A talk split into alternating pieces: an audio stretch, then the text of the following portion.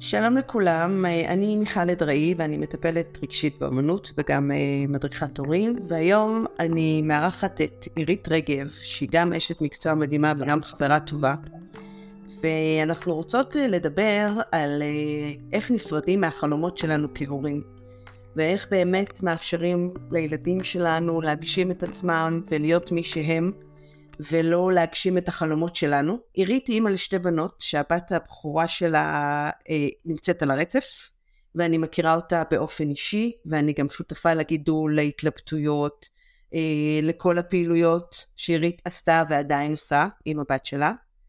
ואנחנו אה, רוצות אה, לספר ולדבר באמת על המקום שלנו כהורים אה, לילדים עם צרכים מיוחדים. אז אה, שלום עירית. שלום מיכל. איזה אני- כיף שהזמנת אותי. אני מאוד שמחה לארח אותה פה, אותך פה, כי אני חושבת שבאמת יש לך הורות מיוחדת, ואני חושבת שעברת תהליך מאוד משמעותי, אה, גם כאימא, גם כאישה, גם כאשת מקצוע, ואני רק אציין שעירית היום, מעבר לכל הפעלים שהיא עושה, היא גם מלווה הורים אה, שיש להם ילדים עם צרכים מיוחדים, או ילדים עם קשיים, והיא מלווה אותם אה, בתהליך. שאנחנו נדבר על התהליך היום, ואני בטוחה שיש המון מה ללמוד. אז בואי נתחיל בעצם מההתחלה. נתחיל מההתחלה. תספרי על עצמך קצת, ואז אנחנו נרד לעומק הקורה. טוב, אז כמו שאמרת, אני אימא לשתי בנות. אני נמצאת בזוגיות אה, שנייה, שזה אתגר אחר ונדבר עליו בהזדמנות אחרת. אוקיי. אה, שבאמת אחת הבנות שלי עם צרכים אה, מיוחדים, ואובחנה בשלב אה, מאוחר יחסית על הרצף. ומכאן אה, מתחיל למעשה אתגר שכבר התחיל אה, מהרגע שהיא נולדה למעשה, כשאתה הבנו כהורים שיש אה, משהו שהוא לא תקין, ועברנו הרבה מאוד שלבים ב... באבחונים השונים שהיינו בהם, עד שהגענו בסופו של דבר בגיל מאוחר לאבחון שהוא על הרצף. אבל בואי נלך באמת להתחלה, כי אני חושבת שכשאנחנו, אפילו עוד לפני שלב ההיריון, אנחנו בעצם חולמים חלומות. אנחנו חולמים חלומות איך הילדים שלנו ייראו, מה הילדים שלנו יעשו, למי הם יהיו דומים, איזה תכונות הם ייקחו. ו... ואני חושבת שאחד הדברים שאני ואת דיברנו עליהם המון לפני שהקלטנו את הפודקאסט, זה באמת שיש פה פרידה, יש פה פרידה כואבת. דיברנו על זה גם שזה לא קשור רק לילדים עם צרכים מיוחדים, זה קשור גם לכל ילד, אבל אנחנו היום כן נתמקד בילדים עם צרכים מיוחדים, כי, כי זה מקצין, כי בילדים עם צרכים מיוחדים, אני חושבת שכל הסיטואציה היא יותר מוקצנת, ובאמת אה, בוא, בואי טיפה נחשוב או נדבר על, על באמת מה קורה לנו שאנחנו חושדים שמשהו לא תקין, אני זוכרת את הפחדים שלך כאימא, אני זוכרת את ה... את ההתמודדות הזאת של האם אני מדמיינת, האם זה באמת קורה, אולי בכלל דומה לסבתא שהייתה תמיד מוזרה, אולי דומה לסבא שתמיד היה אה, אה, צולע, סתם אני אומרת כמובן, זה לא רלוונטי לעירית, אבל איך באמת, אה, איך את זוכרת את עצמך כאימא בכלל מתחילה את הדבר הזה? אז אני חושבת שאני קודם כל אתחבר למשפט שאמרת, קודם כל כשאנחנו מגיעים להורות אנחנו מביאים הרבה מאוד אה, חלומות או משאלות לב או פנטזיות, חלק מהם הם שלנו וחלק הם אה, ירושה באמת מההורים שלנו, מהסביבה שלנו, מהחברה, ממה שמצפים שיהיה, שתהיה לנו ילדה עם שמלה ורודה וילד שמשחק כדורגל, ואז המציאות למעשה פוגשת אותנו ולמעשה המציאות היא קצת שונה, או קצת שונה או הרבה שונה. והאתגר הזה שעומד בפנינו, אחד הוא קודם כל להכיר בזה, שיש כאן איזושהי שונות שצריך לבדוק אותה, ולדייק אותה, והשלב הזה של הפרידה הזאת, לצורך העניין מהחלום, מהפנטזיה, ההכרה במציאות השונה וההתמודדות איתה, היא הפרידה הראשונה שאנחנו מדברים עליה היום, אנחנו נדבר עוד uh, על כמה פרידות שצריך לעשות לאורך יש הדרך. לי שאלה שאני חייבת לשאול אותך. היית עצובה? כש- כשככה פתאום נפלה לך ההכרה שיש פה משהו אחר, שונה, היה שם עצב? את זוכרת את זה? או שאולי יש עשייה כל כך משמעותית שאין זמן להתעכב על העצב בכלל? אז אני חושבת שיש פה כמה טיפוסים של הורים, וזה לא קשור, אה, וזה משהו שפוגש אותך, וכל אחד מתמודד איתו אחרת. אני חושבת שאפשר ליפול פה למקום של אה, עצבות וכעס ואשמה, ואולי זה משהו שאני עשיתי, ואולי זה משהו שהוא גנטי, ואולי זה... אולי לא מספיק, אולי לא. בדקנו, כן. אולי זה משהו שאמרתי, אז קודם כל צריך להבין שהמחשבות שלנו זה לא אנחנו, ואנחנו לא יכולים לבקש לעצמנו דברים שהם לא טובים לנו, אז קודם כל נשים את זה בצד. זה חשוב, זה חשוב מאוד. נכון. לא להאשים את עצמנו, את אומרת, לא קשור לא בדיקות שעשינו, ולא לקפצנו בהיריון, לא קפצנו בהיריון. רבתי עם הבן זוג, קרה לי משהו. ביקשתי, לא ביקשתי, רציתי את זה, לא רציתי. חשוב, חשוב מאוד. עצבות, אני חושבת, אה, כל פעם שחלום מתנפץ, או שאתה נפרד מחלום, או שאתה נפרד בכלל, אז יש בזה איזשהו אלמנט של עצבות. אבל אה, צריך לקחת את זה בפרופורציות ולהבין שעצבות אה, זה איזשהו רגש או איזושהי מחשבה שהיא חולפת בסופו של דבר, ובסוף אנחנו נצטרך להישאר עם האתגר. אז אני באופן אישי מהר מאוד עברתי ל... למה עושים עם זה. לדוינג. אני מכירה אותך טוב, את בדוינג. קודם כל זה עניין אישיותי ככה, נכון, אה, שאני פחות נוטה לעצבות, אבל גם מי שכן נוטה לעצבות צריך לגייס בתוך עצמו ולהיעזר, שזה משהו מאוד חשוב, שהאמת שלא דיברנו עליו קודם, אבל נורא חשוב להיעזר, ולא נכון. לא לפחד לבקש עזרה, אם זה מאנשי מקצוע, אם זה מקרובי משפחה, אם זה מחברים, אם זה כמובן הבן זוג, או כל מי שבאמת יכול להביא אופטימיות, אה, להביא שמחה, לייצר אופק. וגם לתת אינפורמציה. ולתת אינפורמציה. על זה כן דיברנו, שיש משהו בזה שאינפורמציה היא מאוד מאוד חשובה פה. נכון. היא, היא חשובה ברמה של האבחון, שתכף נדבר עליו, ברמה של הבנה, ברמה של אה, אולי לתקשר את זה החוצה. אז אני רוצה להגיד שני דברים. דיברנו רבות על אבחון ונדבר רגע על אבחון. אז קודם כל מאוד מאוד חשוב שהאבחון יהיה מדויק, כי הרבה פעמים כשאנחנו הולכים לאבחונים, אז uh, יכולים לדבר איתנו הפרעת קשב וריכוז, אבל אנחנו מבינים שיש בעיית תקשורת. אז להתעקש על זה שיש בעיית תקשורת. כי אנחנו מכירים את הילד הכי טוב. כי אנחנו מכירים את הילד הכי טוב. זאת אומרת, את אומרת להקשיב לקול האימהי, הקול האימהי לא הולך לשום מקום, גם שצריך להיות מחובר למציאות. צריכה להישאר ולתת לה את המקום שלה וללכת איתה בביטחון. אה, וגם אם אנחנו מבינים שיש איזשהו קושי בלימודים, אז להבין אם זה לא קושי בראייה או קושי בשמיעה ולהתעקש על הדבר הזה, כי האבחון כאן הוא סופר סופר חשוב הדיוק שלו, כי גם הרשויות ובכלל אה, מוסדות החינוך, אה, אם זה ביטוח לאומי, אם זה בתי ספר, אם זה אוניברסיטאות, אם זה צה"ל וכולי, יודעים להתמודד עם דברים מדויקים. אה, מאוד קשה להתמודד עם דברים שהם לוטים בערפל או נופלים בין הכיסאות. אני יכולה לשתף אותך בדימוי שעונה לי, כי עולה לי ממש דימוי שאני רואה הורה שיש מולו ממש עננות, עננות כבדה. נכון. כי גם לא מתמודד עם עצמו, עם הקושי שלו, של להבין שיש פה ענן, שילווה אותו כל החיים, וגם באמת צריך להתחבר לאיזשהו מקום פנימי, של להגיד אני מזיזה רגע את העננים, אני צריכה להתחבר לאינטואיציה האמהית שהיא תמיד חשובה וקיימת, וגם אנחנו מחפשים את האור, מחפשים את האור אחרי הענן, שתצא השמש מבין העננים. אני חושבת שהגילוי המדויק, עם כל הקושי, זאת השמש. נכון. אז, אז אני חושבת ש... החיבור לאינטואיציה הוא מאוד נכון, ואני רוצה להגיד עוד משהו אחד לגבי אבחונים, שבסופו של דבר האבחונים ישרתו אותנו לאורך הדרך, ואם נרצה באמת לקבל איזושהי קצבה, או נרצה להתקבל לאוניברסיטה, או נרצה לקבל הטבות בבית ספר, אבל בסוף יש את המציאות. וחשוב מאוד אה, להסתכל על המציאות כפי שהיא, כי לא כל הילדים אה, על הרצף זה אותו רצף, בגלל זה זה נקרא רצף, ולא כל מי שיש לו לקות שמיעה זה אותה לקות שמיעה, ולא כל מי שיש לו שיתוק מוחין זה משהו כללי, כל אחד הוא ספציפי ואינדיבידואלי, וחשוב לעשות הפרדה בתור הורה בין האבחון, בין הנייר שקיבלנו ומה הוא משרת אצלנו, ובסופו של דבר מה היכולות והמסוגלות של אותו ילד ספציפי שאנחנו מגדלים אותו, וזה מאוד מאוד אה, נכון, אבל דיברנו על זה גם שיש משהו באבחון שהרבה פעמים כהורים וגם לילד עצמו נותן איזושהי רגיעה. כאילו נכון. שאנחנו יכולים באמת ללכת ולהגיד, אני שונה כי, אני אחר נכון. כי. אני לא מסוגל לשבת בכיתה כשיש המון ילדים אה, סביבי שמפטפטים ומדברים, או אפילו אני לא מסוגל אה, להזמין חמש חברות הביתה, כי, כי זה לא נעים לי. למרות שאימא שלי רוצה את זה, ולמרות שאחותי חיה חברתית וכל החברות אצלה תמיד לפני המסיבות, אני לא יכולה, ויש משהו באבחון שהוא גם מרגיע מהבחינה הזאתי. אז האבחון מצד אחד מרגיע, אה, חשוב אה, באבחון שהילד או הילדה יהיו מודעים אליו. כן לדבר נכון. על זה, וכל אה, אבחון באמת, כל ילד בשלב שהוא נמצא בו, זאת אומרת, אם הוא בן שלוש או בת שלוש, אז להגיד את זה כמובן תואם ובליווי של איש מקצוע, אבל כן לדבר את זה, כי מה שקורה אחר כך זה שהילד עצמו, הילדה עצמה, יכולים להביא את עצמם לידי ביטוי ולהגיד מה הם צריכים ומה הצורך שלהם. שעל זה אנחנו מדברות. מה הצורך של הילד. מאוד חשוב. שבעצם מחובר ולא מחובר להורים. זאת אומרת, כאן ההורים צריכים לעשות את הפרידה מהצורך שלהם, ולהסתכל על הצורך של הילד, שזה נכון לגבי כל הורה, בלי קשר לילד עם צרכים מיוחדים, אבל ילד עם צרכים מיוחדים זה יותר משמעותי וזה יותר קשה.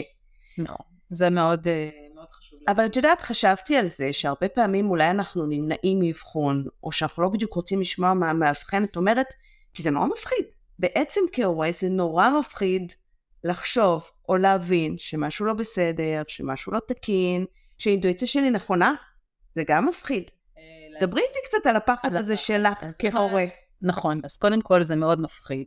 זה מפחיד, קודם כל זה מפחיד להבין שיש משהו שהוא אחר ממה שחשבת או מה שפינטזת, ועכשיו, או מה שחלמת, ועכשיו אחרי שנפרדת ממנו, מהחלום הזה, אתה צריך להתמודד עם הפחד שנכנס בי. פחד שנכנס אה, קום, זה אחד ממה יגידו. קודם כל, יש לך את המסמך הזה ביד, יש לך את הנייר הזה ביד, עכשיו מה יגידו? אחרי שכבר דיברת עם הילד, דיברו, דיברו ההורים, עכשיו מה יגידו? איך מנהלים את זה? איך מתפקדים בתוך הדבר הזה? ומה זה אומר? זאת אומרת, זה פחד כי אתה למעשה נופל ממקום שאין לך מושג, אין לך מושג מה לעשות איתו בגדול עם האבחון הזה. זה עדיין לא מסיט את העננים, עדיין יש עננות מאוד מאוד כבדה. נכון, וההתמודדות הראשונה היא להרבה הורים עם מה יגידו. ומה יגידו הזה, הוא קודם כל מביא למצב של הימנעות. זאת אומרת, אם uh, פתאום uh, תהיה התנהגות חריגה, אם פתאום תהיה השתוללות חריגה, אם הוא פתאום לא ישמע, לא יבין, לא יקרא נכון את הסיטואציה, אם אפשר להשאיר אותו לבד במסיבה, האם אפשר לשלוח אותה לבד לים, האם אפשר להעלות אותו לבד לאוטובוס, זאת אומרת זה המון המון המון פחדים שגורמים להורים אה, להימנע, להימנע מהסיטואציות, לעטוף את הילד, לא לתת לו לצאת, אה, לא לתת לו להגיע למסיבות, להימנע מלהגיע לחתונות, כל מיני דברים שהם הימנעות. וההימנעות הזאת היא למעשה מייצרת גם אצל הילד פחד, כי הוא מבין שמשהו לא בסדר, לא בסדר. אצלו, והוא מתחיל לפתח פחדים, איך אני אתנהג, או מה יגידו עליי, או איך יגיבו אליי, או איך אני נראה. אני רוצה שתתני לנו פה ככה איזה סיפור קצת יותר אישי. אה, זה יכול להיות מהבית שלך, זה יכול להיות ממטופלים שעבדת איתם, שבאמת איך הפחד לפעמים אה, גורם להימנעות, או, ו, ובאמת מה עושים, איך מתמודדים. אז אחד הפחדים הכי גדולים באמת לילדים אה, על הרצף, או ילדים עם צרכים מיוחדים, זה לתת להם ללכת לבד, או ללכת לבד ממקום למקום, או בכלל לצאת מהבית. בואו נתחיל מלצאת מהבית. אוקיי. Okay. אבל בעיקר מלהגיע למקום, ממקום למקום, אחד, בגלל התמצאות במרחב, בגלל שלא יודעים איך הם יתנהלו בחוץ, לא סומכים עליהן שהם, שהם יבינו שיש בעיה ואז יתקשרו, כמו שילד רגיל בדרך כלל יעשה אם הוא ילך לאיבוד או כל דבר. לאיבוד, אתה לא יודע איך הסביבה תגיב, אם מישהו יטריד אותם, ינצל אותם, יפגע בהם, הם באמת מבינים מה זה לא לדבר עם זרים, או בכלל לא ידעו את הדרך חזרה הביתה. ואז אני יכולה לספר סיפור uh, באמת אישי, שאני החלטתי שבגיל תשע, uh, כמו שכל ילד uh, חוזר לבד הביתה, בגיל תשע הם יכולים לחצות כביש והם יכולים לחזור לבד הביתה, אני החלטתי שגם הבת שלי יכולה לחזור הביתה בגיל תשע לבד, אומנם עם טלפון, מה שאז לא היה מקובל, אבל לא הייתה ברירה, אחרי שעשינו את הדרך כמה פעמים, עשינו חזרות, איך חוזרים מבית. זהו, מה עשיתם כדי להתמודד עם הפחד שלכם ושלה? אז הפחד שלנו באמת היה שהיא תלך לאיבוד, שזה לא פחד אמיתי, בואו בוא נודה על האמת, דיברנו על זה קודם, שלא משנה לאן מגיעים, ארבע שעות לכאן או לכאן, בסוף מגיעים לאן שהוא. לא, יש פה פחד. פחד ללכת בעיוות הוא פחד. אבל יש פחד. אז קודם כל, אה, הלכנו את הדרך הזאת כמה פעמים הלוך ושוב, הסברנו איך מגיעים, איפה חוצים. נתתם למה נקודות ציון, התחבאתם. נתתם לה ללכת קדימה. לא. לא, לא, כי אני חושבת שחלק מהפחד של הילד זה פתאום שהוא לבד. מעבר לללכת לאיבוד, ההבנה של ילד עם צרכים מיוחדים שפתאום הוא לבד, יכולה להביא אותו למקום לא טוב. נכון. צריך קודם כל לסמוך, לסמוך ולשחרר את הפחד. להיפרד מהפחד, להיפרד מהפחד, להיפרד פודקאסט על פרדות ולהיפרד מהפחד זה חתיכת משימה. לפודקאסט אחר. וואו. לפודקאסט אחר. פה אנחנו רק נפרדים מחלומות, אחרי זה נדבר על איך להיפרד, אבל בנקודות הספציפיות שאנחנו מדברים עליהן זה פשוט באמת להיפרד מהפחד, ללכת איתה לבית ספר, לעשות את הדרך מבית ספר הביתה, אה, לעבור את מעבר החצייה, להבין שיש משמרות זהב, להבין שיש פה עץ או שיש פה מדרכה, ואיך באמת להגיע דור טו דור מה שנקרא, מדלת לדלת. איך הרגשת בפעם הראשונה? את היית בבית, הבת שלך הלכה לבד.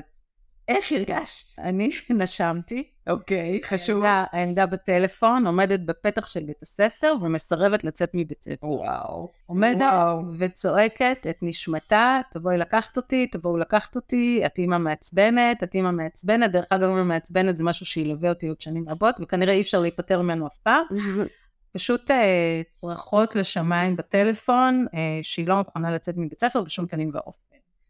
הכוחות נפש שנדרשו באותו רגע לא להיכנס לאוטו או לא לרדת ולבוא לקראתה או ללכת לקראתה היו ממש, אה, לא יודעת, ממש אספתי כוחות לצורך העניין הזה, אבל לא הלכתי. אז תעודדי פה הורים ותסבירי להם מה קרה כשלא הלכת. בואי תני פה כוח להורים שבאמת לא הלכת. אני זוכרת שלא הלכת, אני זוכרת את זה. אז לא הלכתי, ואז היא הלכה. כי ברגע שאתה לא מפחד ואתה סומך עליה, ואני אומרת לה בטלפון, תצאי מבית ספר ותלכי ימינה, וכלום לא יקרה, והלכנו את הדרך הזאת עוד פעם, ואת מגיעה למשמרות הזהב, פשוט ללוות אותה. מזל שיש טלפונים, אני לא יודעת אחרת, אה, יכול להיות שאחרת הייתי באמת עושה דברים אחרים, אבל פה בטלפון, ממש ללוות אותה שלב אחרי שלב, ודרך שלוקחת, בדרך כלל עשר דקות לקחה חצי שעה, אבל הלא לוותר כאן הוא מאוד חשוב, אנחנו נדבר על הלא לוותר בסוף. הלא לוותר כאן נתן לה המון המון ביטחון בעצמה, ביטחון גם בסביבה, זאת אומרת שהיא יכולה ללכת בביטחון בסביבה רגילה, ברחוב, לבד, זה נותן המון המון תחושה של ביטחון לכל ילד, במיוחד אם, אם הילד חווה קושי, אז על אחת כמה וכמה אם ההורה סומך עליו שהוא יעשה את הדרך הזאת והוא עושה אותה. היא הגיעה הביתה. לכן שתיתן כוס מים. תדעו כוס מים, אני חייבת להודות שגם פעם השנייה ופעם השלישית היה קושי בלצאת כן. לבית ולהגיע. זה לא נפתר ברגע, אני מסכימה איתך. לא נפתר, זה תהליך. זה תהליך של, ניס, של ניסוי, של ביטחון וכולי, אבל uh, בסופו של דבר uh, היא הגיעה הביתה, היא הולכת למרחקים הרבה יותר ארוכים היום, היא גם נוהגת היום, אבל... וואו, וואו. והוציאה רישיון נהיגה, והיום כל מה שתפיסת המרחב ותפיסת המרחק וההתמצאות בסביבה וכל הקשיים שכרוכים בללכת לבד בכלל, לאט לאט אה, ככה פוגגנו את הפחדים האלה, אה, ונתנו לה באמת את הכישורים לעשות את זה, את היכולת לעשות את זה, גם את ההדרכה איך לעשות את זה. הרבה פעמים זה לא רק תעשה, בסדר, תלך למסיבה, אתה כבר תסתדר, תלך לבית ספר, אתה כבר תסתדר. לא, בילדים עם צרכים מיוחדים צריכים ללמד אותם את הדרך. אז אני רוצה מפה לצאת לנושא נורא נורא חשוב שדיברנו עליו קודם, על התפקיד שלנו כהורים. והתפקיד שלנו של הורים, אני חושבת, מתחלק להמון המון אה, נקודות, אבל יש נקודה אחת נורא משמעותית, שאני עוד פעם בתור חברה שלך ראיתי את זה עלייך מקרוב, איך אתה לומד מה הילד צריך. זאת אומרת, או, או האם אתה כל הזמן מנסה דברים חדשים. אני זוכרת שאת היית בטיפול באומנות, בדיקור, בהומופתיה, בקבוצות, במיליון ואחת מקומות ודברים על מנת למצוא מה נכון. אז, אז זה התהליך שאת עברת, ויש פה את התהליך שה... הבת שלך עברה, או ילדים עוברים, באמת על מנת להבין מה טוב להם ומה נכון להם. זה תהליך מקביל ומאוד מאוד uh, חשוב, אני חושבת. נכון. אז uh, יש מקום שנורא שואב אותך בתור הורה לילדים עם צרכים מיוחדים, זה להפוך להיות המטפל שלהם. זאת אומרת, למצוא כל הזמן דרכים של טיפול ואת הילד למטופל. אני חושבת שהדבר הנכון לעשות, זה מעבר לזה שבאמת אנחנו מטפלים בילדים שלנו, זה נכון לגבי כל הורות, צריך למצוא את המקום שכן אה, מפנטזים בו קצת, כן אה, מנסים להבין חשיבה יצירתית או גמישות מחשבתית, וקצת לצאת מחוץ לקופסה ולהבין שיש אה, גם למצוא את המקום שהילד מתחבר אליו. זאת אומרת, גם אם מצאנו שטיפול באומנויות הוא הטיפול הנכון ביותר לסיטואציה מבחינה טיפולית, אבל הילדה לא התחברה. לצביעה או להדבקה או לגזירה, אז להרפות מהדבר הזה ולא לכפות אותו. אז כן לנסות uh, רכיבה טיפולית, וכן לנסות uh, כלבייה טיפולית, וכן לנסות uh, חתירה, וכן לנסות uh, ספורט, וכן לנסות דברים, עד שבסופו של דבר הגענו גם לזה שהיא יכולה לשחק כדורסל בקבוצה עד uh, גיל תיכון, וכן שהיא מאוד מתחברת לפעילות של ים וחתירה וכל הדברים האלה, שהיא התחברה לשם ומצאה את עצמה שם.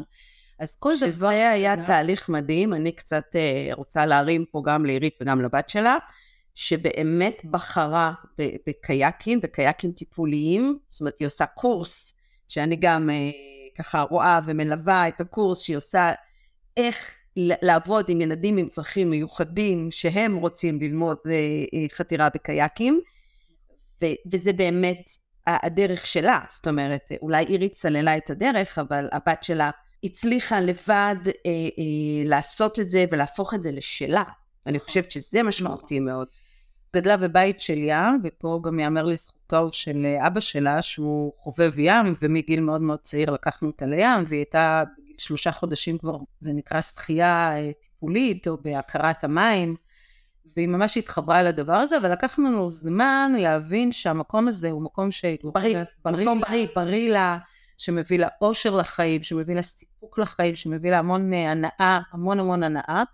אה, מעבר לזה שזה מלמד המון, זאת אומרת גם להתארגן לחתירה, גם להגיע לחתירה, גם לחתור בקבוצה, גם לייצר אינטראקציה בתוך הקבוצה הזאת, ועדיין להיות אינדיבידואל בתוך הקייק ולפתח את עצמך ולהתרכז עם עצמך.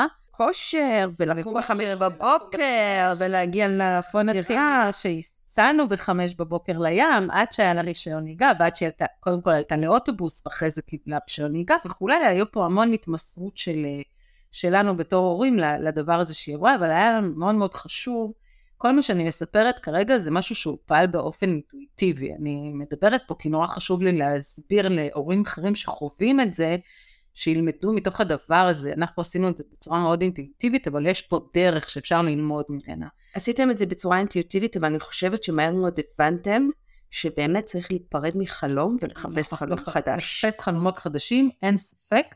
ולחלום אותם אה, כל הזמן, כי בכל מקרה המציאות כאן היא מאוד מאוד מאתגרת ונותנת את הבמפרים שלה. זאת אומרת, אם אנחנו אומרים אה, להורים בכלל לא להגשים את עצמם דרך הילדים, שזה נכון לגבי כל הורות, אז כאן צריך לחלום ולחלום רחוק. הבת שלי אה, טסה לחו"ל בקבוצת חתירה של קי... עם קייקים, עם קבוצת הקייקים שלה, לקחה קורס להיות מדריכת קייקים, והחלום שלה הוא באמת לפתוח מרכז קייקים לאנשים או לילדים או לנוער עם צרכים מיוחדים, שזה באמת לקחת את החלום הזה מאוד מאוד אה, רחוק. שזה מדהים, באמת מדהים שהיא מסוגלת מתוך הנתינה שלה להבין את, את מה שהיא צריכה ואת מה שזה עושה לאחרים. אני חושבת שנתינה פה זה מילת מפתח בכל התהליך הזה. אה, נכון, הנתינה כאן היא שאלה מאוד מאוד אה, גדולה בהקשר הזה, היא גם סיימה תואר בחינוך מיוחד, כך שיש כאן הרבה דרך שהיא עשתה גם עם עצמה, היא גם אה, מטפלת בעצמה באיזשהו אופן, והיא גם תטפל באחרים באופן מאוד מדויק, כי היא דייקה את עצמה באמת לתוך הנושא של הלאומי והקייקים. כי אפשרתם לה. היא דייקה כי אפשרת, אפשרנו חשוב מאוד. חלמנו את זה כי נפרדנו מחלומות מסוימים ויצרנו או פתחנו לה חלומות אחרים. פתחנו עבורה. ואת יודעת האחרונות כאן לדבר באמת על, אני זוכרת שוב פעם את ההתמודדות שהייתה עם החלום שמצד אחד אולי היא תהיה באוניברסיטה שהיא תוכל להיות מחוץ לבית, והיא בשום פנים ואופן לא הסכימה, אלא היא רצתה להיות באוניברסיטה שהיא תוכל לבוא הביתה. אני חושבת שזה חלום של כל הורה לראות ילד שלו עצמאי, לראות ילד שלו מתפתח, לראות ילד שלו חי בתוך חברה, ולהבין שהטוב ביותר עבורה כרגע זה באמת אה, אולי להיות בסביבה הביתית עם האינטראקציה שקורית שם בחוץ. זאת אומרת, זה לקחת את החלום ובאמת לעשות לו אדפטציה עבור הילד. של נכון. להקשיב לילד ולראות מה הילד צריך, ואז לחלום איתו את החלום. נכון, אז אני רוצה גם לתת uh, עוד דוגמה, שהיא איזשהו uh, חלום כזה, איזשהו דפוס, איזשהו עניין חברתי בישראל, זה להתגייס לצבא. עכשיו, העניין של הצבא הוא נכון. עניין שהוא הרבה פעמים חשוב מאוד מאוד להורים, חשוב למשפחה, לסביבה. חשוב להגיד שהילד היה בצבא, שירת את המדינה בדרך זו או אחרת, הרבה פעמים הורים חושבים שזה כן יופיע בקורות חיים של הילד, לא יופיע בקורות חיים של הילד, חשוב שהוא יתרום. יש כאן איזשהו, אה, איזשהו דפוס כזה שמנהל את החברה הישראלית, נכון. יש לו את היתרונות ויש לו את החסרונות, אבל בואו נדבר כרגע על איך מתמודדים ילדים עם צרכים מיוחדים. אז קודם כל צריך להבין שהיום אה, צה"ל מקבל בזרועות פתוחות הרבה מאוד ילדים עם צרכים מיוחדים, במיוחד על הרצף, כי הוא זיהה בהם את הכישרונות המיוחדים שיש בהם, אבל שוב זה מאוד אינדיבידואלי. יש הרבה מאוד עמותות שהיום מגייסות, אפשר להתנדב דרכם לצבא, וזה גם משהו שנותן אה, תחושת אה, שותפות, זה מחבר את, ה, את הילדים עם צרכים מיוחדים לסביבה שהם עובדים, חיים בה, זה שם אותם בקבוצת השווים עם בני גילם, כולם משרתים באותו רגע בצבא, אם זה בהתנדבות, אם זה בשירות לאומי, אם זה בשירות רגיל, זאת אומרת, שזה חלק מהמשימה, זאת אומרת לנסות להביא אותם לאותם מקומות שנמצאים בני גילם.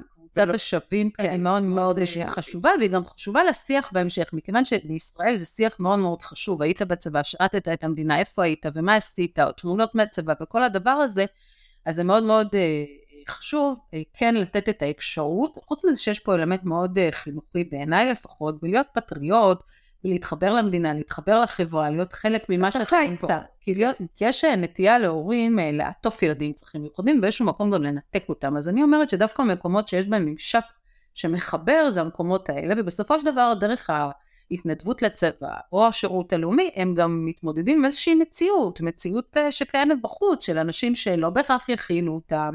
לא בהכרח יבינו למה הם מתנהגים כמו שהם מתנהגים, לא תמיד יהיו קשובים להם, וזה בסדר השיקוף הזה, זה בסדר שהם יבינו ויראו את זה וילמדו דווקא בתוך סביבה תומכת איך להתמודד עם הדבר הזה. אז אם נחזור רגע אחורה, עוד לפני האוניברסיטה וכולי, יש לנו פה את הצבא שהוא אישו בפני עצמו, וחשוב חשוב להיות אה, קשובים לזה, להבין מה נכון, ויש היום המון המון אפשרויות. ואני חוזרת גם בהיבט הזה לאבחון, ככל שהאבחון יותר מדויק, ככה יותר יודעים מה לעשות עם זה גם בצבא ובשירות לאומי ובהתנדבות. ואם אנחנו קופצות הלאה, קופצות להמשך.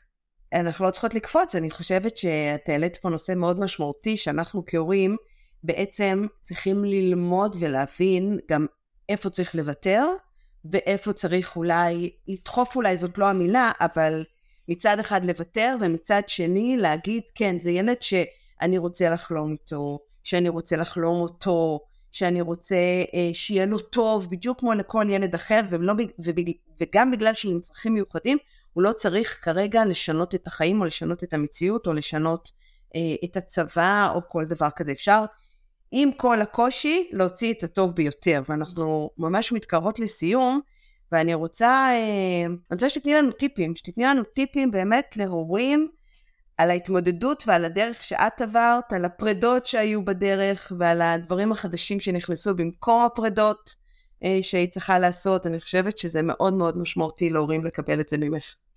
התחלתי להגיד ב... בלא לוותר. אז הלא לוותר, צריך להבין שזה באמת לא לוותר, להגדיר את החלומות הבאים שלנו, לחשוב על החלומות, להיפרד מחלומות מסוימים וליצור חלומות חדשים ולא לוותר, ולדעת שזה ייקח זמן. זאת אומרת, אם יש חלומות שאפשר להגשים מהר מאוד, אולי בסיטואציות אחרות, אז כאן יכול להיות שייקח זמן לכל הדבר הזה לקרות, ובאמת אה, לקחת את הכל בפרופורציה, אה, ולהבין שגם צעד קטן, או השתתות קטנה, או לשרוך את השרוכים לבד, או להסתרק לבד, או לעלות אה, לאוטובוס להסתפר. להסתפר, כל דבר שהוא, לא יכול לקחת זמן, אבל, אבל זה, זה הישג. בסופו של דבר זה הרבה מאוד baby steps, שבסופו של דבר הם, הם ההישג עצמו. קודם כל להגיד תודה, באמת תודה על מה שיש, כי מה שקיבלנו בתור הורים זאת מתנה, זאת מתנה עבורנו, שאפשרה לנו באמת להתפתח, וההתפתחות האישית הזאת שלי עם עצמי ושל הורים אה, בכלל, ושל אפילו הסביבה שלנו, היא מאוד אה, מאוד משמעותית וחשובה. ואת אמרת את הדוגמה הכי טובה לדעתי, שזה כמו במסלול של נינג'ה, שעד שלא משחררים יד אחת אי אפשר להתקדם הלאה. וזה, ומתמודדים עם הפחד. יש את הפחד ליפול למים, ולפעמים נופלים למים, אין מה לעשות, אבל זה רק מים, ויוצאים ומתייבשים, ובאמת אני חושבת על מנת לעבור שלבים חייבים לשחרר. לשחרר, לשחרר. לשחרר ולהמשיך ולחלום, לחשוב על זה ולחיות את זה באומץ, פשוט לחיות את זה באומץ, לשחרר את היד ולתת ליד הבאה להגיע. ודיברנו על זה שגם אנחנו יודעים שבסוף הדרך הילדים האלה הם ילדים מיוחדים. הם יגיעו למקומות מיוחדים אם נאפשר להם, הם, הם יוכלו אולי להמציא המצאות מיוחדות שאנחנו לא חשבנו עליהן כי הם חושבים אחרת, הם מסתכלים על החיים אחרת, צריך להיות קשובים לזה. זה האומץ, להיות פתוחים למקום הזה. לקבל אותם באומץ ולחיות איתם באומץ. לגמרי, לגמרי. וואו, זו הייתה שיחה מאוד מאוד uh, מרגשת, ואני חושבת שיש המון מה ללמוד מהדרך שאתם עשיתם כהורים ומהדרך שהבת שלך עשתה כילדה ש... שחיה עם הורים מאוד אמיצים, זה לא פשוט. אה, אני מזמינה אתכם אה, לשתף אנשים שזה יכול להיות משמעותי עבורם או להועיל עבורם, אה, ואנחנו ניפגש בפרק הבא.